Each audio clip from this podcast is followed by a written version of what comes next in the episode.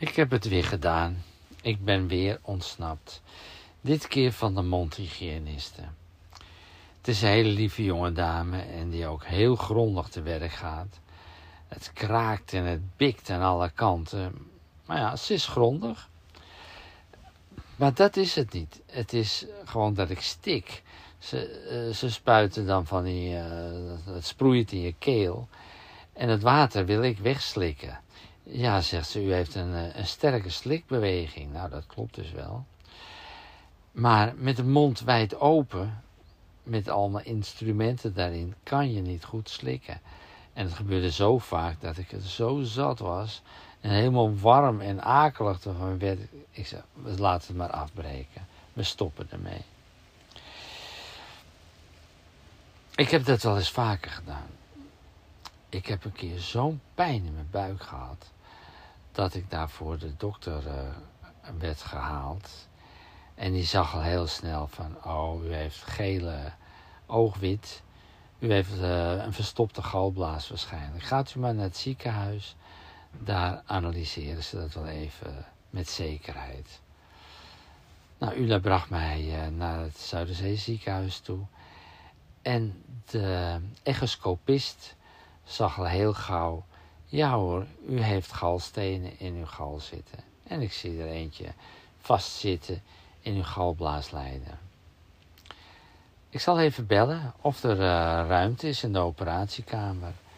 Nou, zegt u, heeft geluk. Er is uh, ruimte, u kunt naar boven gaan. Nou, binnen de kortste keren had ik zo'n groen hemdje aan.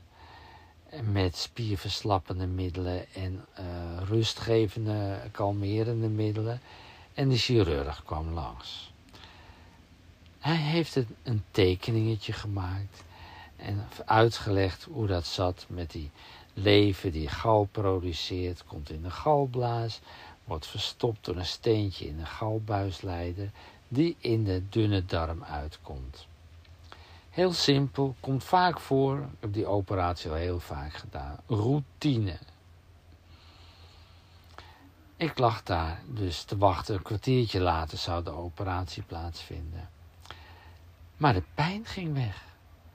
En ik zat bij mezelf na te denken: zou het kunnen dat door dit spierverslappende middel, dat niet alleen ik ontspan, maar ook dat kleine galbuisleidertje, waardoor het steentje vloep weg uh, er doorheen vloepte. En zei, zuster, eh, mag ik uh, naar huis? Mag ik naar huis? Ja, ik heb geen pijn meer, dus het is niet meer nodig, de operatie. Meneer, wij weten toch allebei dat die operatie het allerbeste is voor u. Want als u dat niet doet, dan krijgt u er over een paar uur weer last van, of morgen. En dan moet u hetzelfde eh, circus doormaken. Dan zit u weer heel lang te wachten met pijn in uw Dat vinden wij toch niet verstandig, meneer? Ik nou, het is misschien niet verstandig, maar ik wil niet geopereerd worden. Ik heb nergens last meer van. Nou, ik zal wel even de chirurg voor u erbij halen. Nou, dan kwam hij aan waggelen hoor, die dikke chirurg met zijn dikke buik en zijn witte jas. Met zijn boterhammenworstwangen. Net een slagers, jongens. Niet echt een type die je met een groot mes op je lichaam loslaat terwijl je zelf bewusteloos bent. Meneer Teppema, zegt hij. Ik zal het tekeningetje nog een keertje voor u tekenen. Ik denk, wat zijn die mensen toch verschrikkelijk volhardend. Ik moet hier nog even wat steviger op ingaan, want anders met zoete broodjes eh, bakken lig ik dadelijk onder het mes. Ik zal een tekeningetje maken, laat maar zitten. Als u net zo beroerd eh, opereert als u tekent, dan heb ik er niet veel vertrouwen in. Kijk, en dat werkte. Toen werd hij vals. Meneer Teppema, zei hij, u kunt naar huis toe gaan. Maar als u binnen een paar uur of morgen aan belt of u onmiddellijk geopereerd kan worden omdat u zo verschrikkelijk veel pijn heeft, dan heb ik misschien helemaal geen tijd meer voor u. En hij met grote stappen beende hij de kamer uit.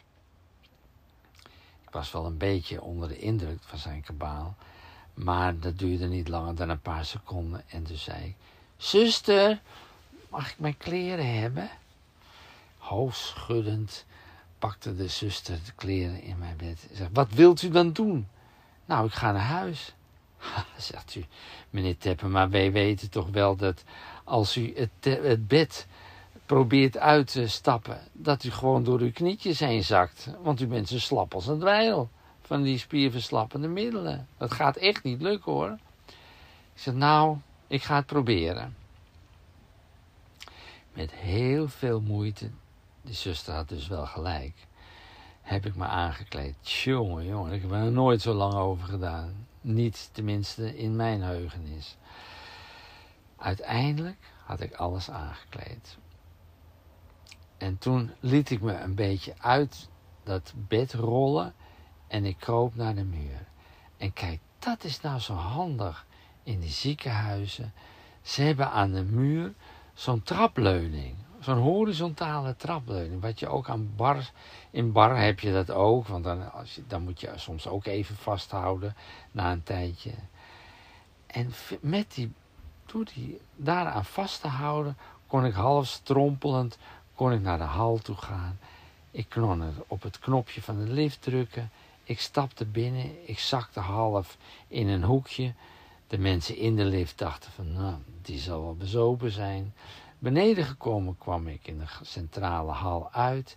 En ook weer zo handig, met diezelfde leuningen, strompelde ik naar de koffiehok toe. Want ik had moeten beloven aan die hoofdzuster, ik wacht in de koffiehoek tot mijn vrouw me komt halen. Maar ik voelde me daar toch niet op mijn gemak. Ik denk, dadelijk komt die slagersjongen, die komt over, is dadelijk bekomen van zijn frustratie. En dan komt hij me toch halen en hij is momenteel sterker dan ik. Weet je wat, ik loop toch alvast een stukje naar huis toe. En al zwabberend, alsof ik een beetje aangeschoten was, lukte het mij om het bushokje te bereiken. En met een zucht ging ik zitten op het bankje wat gelukkig vrij was en ik belde Ula op. Zei, Ula, kan je me komen halen? Ze zegt, halen? Ik heb je net afgeleverd uh, in het ziekenhuis. Ik ben boodschappen aan het doen. Ben je nu al geopereerd? Nee, zei ik, ik ben ontsnapt. Ontsnapt? Wat is dit voor een domme reactie? Wat is... Nou ja, zeg. Nou is ze gelukkig wel zo lief dat ze me toch eens komen halen. En thuisgekomen ben ik op handen en knieën de trap opgeklauterd. Ik kroop in mijn bed en ik dacht, ik ben nu veilig. Maar dat was niet het geval, want Ula had dat per ongeluk tegen een buurman verteld. En ik stapte naar boven. En die blafte tegen mij. Wat ben jij een vreselijk mannetje. Dat jij jouw lieve vrouwtje hier moederziel alleen laat. Met vier bloedjes van kinderen. Jij gaat dood, maar zij zit met de zorg opgeschreven. Wat ben jij een vuile egoïst. Vanuit half onder de dekens zei ik tegen die, die buurman die normaal heel vriendelijk was. Ja, maar als ik bel, dan wil de chirurg mij toch niet opereren. Een tijd later ontmoette ik onze huisarts weer eens. En ik zei tegen hem, Ruud, hij het ook Ruud, wat zou jij nou gedaan hebben als die pijn weg was gegaan? Tja, zei hij, eerlijk gezegd, ik begrijp dat wel een beetje. Ik zou misschien mezelf ook niet hebben laten opereren. Kijk, dat is nog eens een leuke huisarts. Ik heb later nog één keer last gehad van galstenen. Ik werkte bij het ROC en ik begon pijn te krijgen. Onder mijn ribben, precies dezelfde pijn. Oh jee, wat moet ik doen? Ik heb geen spierverslappende middelen. En toen bedacht ik, als ik nou eens flink in beweging ben, misschien zakt het steentje dan wel. Als ik nou eens ga, springen. Ik zei tegen mijn collega's, ik ga even naar buiten toe. Ben, uh, ben even aan het pauzeren. En voor de ingang ging ik een half uur springen. De jonge lui keken me een beetje gek aan. Maar dat maakt mij niet zoveel uit. En als je op bokstraining hebt gezeten, dan weet je dat daar een onderdeel van is van touwtjes springen. En je weet dat daar alles van gaat stromen. En je krijgt er in ieder geval heel erg warm van. En na dat half uur zakte die pijn. En toen ben ik even nog een wandelingetje maken om even af te koelen.